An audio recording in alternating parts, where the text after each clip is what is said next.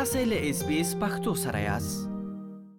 په افغانستان کې د وسلوالو طالبانو تر واکمنېدو وروسته په دې هیواد کې د نارینه او سوالګرو ترڅنګ د خزینه او سوالګرو شمیر لوړ شوی دی د امګړې د افغانستان په ګڼ شمیر سیمو کې سوالګر ماشومان او خزې تر سترګو کیږي چې خیر ټولوي په افغانستان کې د میرمنو لخوا سوال یا ګدای کول نوې خبره نه ده په پخوانی حکومت کې هم لیدل کېدل چې میرمنو به د کابل ښار په واټونو کې په عاجز انداز له خلکو خیر غوښته خو اوس وخت کې په افغانستان کې د طالبانو تر ولکې وروسته او د تیر حکومت له پرځېدو را په دې خوا د دغو سوالګرو په شمیر کې په بې ساري توګه زیاتوالی راغلی له کومې ورځې را په دې خوا چې افغان حکومت د طالبان له لوري سقوط شو، په افغانستان کې د ګڼو کورنیو اقتصادي وضعیت ځکه خراب شو چې هغوی پس انداز یا هم زېرمه شوي خوراکي توکي نه درلودل او یو شمېر هغه ادارې هم وتړل شوې چې د نارینهوو ترڅنګ ښځو پکې کار کاوه. یو شمیر مرمنې په افغانستان کې د دې لپاره چې ماشومان یې له لوږې مړ نشي په ځان سختی تیروي او یا هم سوال یا ګدایي ته مخه کوي ترڅو خپل کورنۍ ته د خوراک او سکاخ یو څه برابر کړي د افغانستان یو شمیر اوسیدونکي په دغه هیواد کې د خزینو سوالګرو د زیاتېدو په اړه اندېښمن دي خو په خبره سوالګرې مېرمنې ځکه اړ دي خیر وغواړي څو ژوندۍ پاتې شي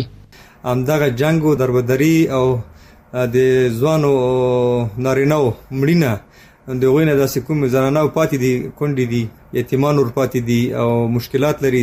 نو په همدغه حساب باندې زیاتره زنانه او سیاسره راوځي خیرات راټولي د خپل ماشومانو د روزي لپاره یا زوقې لپاره چې کله طالبان راغلل کابل ښار ته نو دلته هجوم دی خیرګرو خلکو دلته هغه سوزیا سوزه کسلته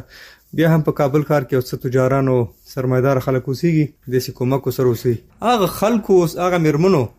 ځان ته تغیر جامه ور کړی ده نه پیګم په خو به سې کتل تا ورته دغه چیرې ته به سې کتل یا لباس به دې سې کتل نو هغه به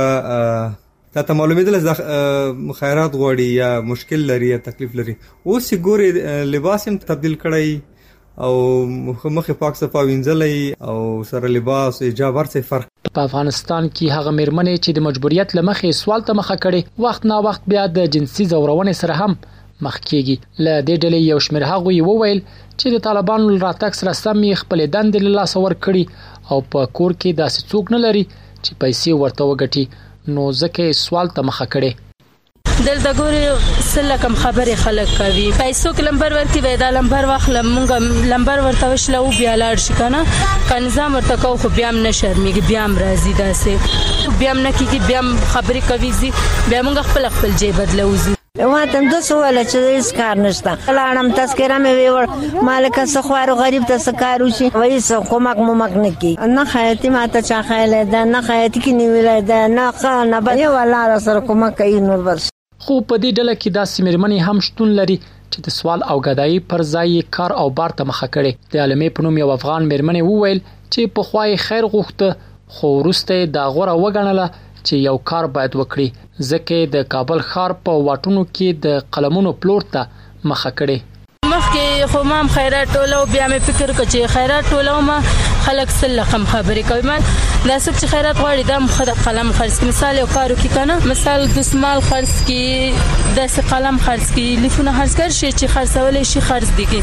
او غدای نه خدا چې دا کار وکړي کنه نو ځکه موږ کار کوو موږ کور کې مو یو مې پلار دی بوډا دی او دوه مې واړه واړه ورونه دي او شپږ خورګان یو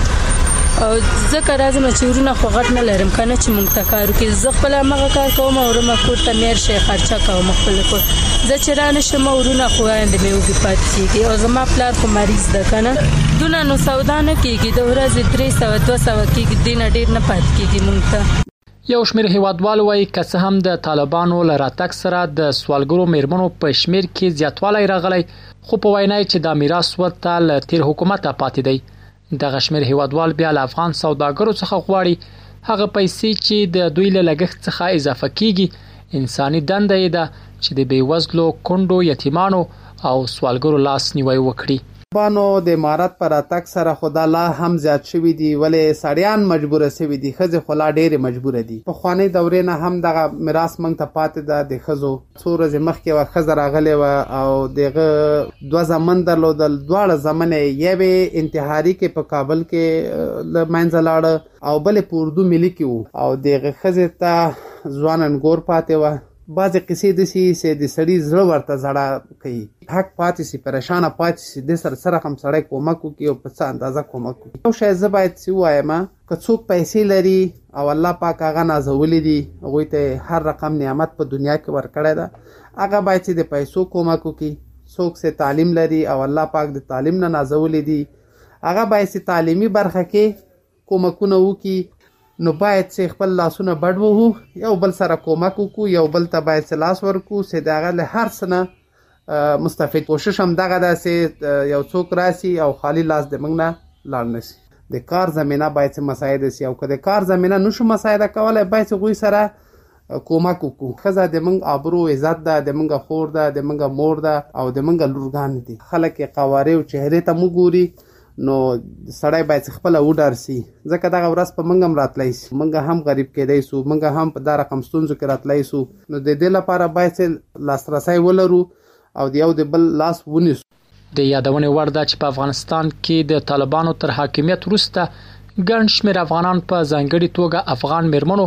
په حکومتي ادارو کې خپلې دندې له لاسه ورکړي چې دمګړۍ له سختو اقتصادي ستونزو سره لاس او ګریوان دي.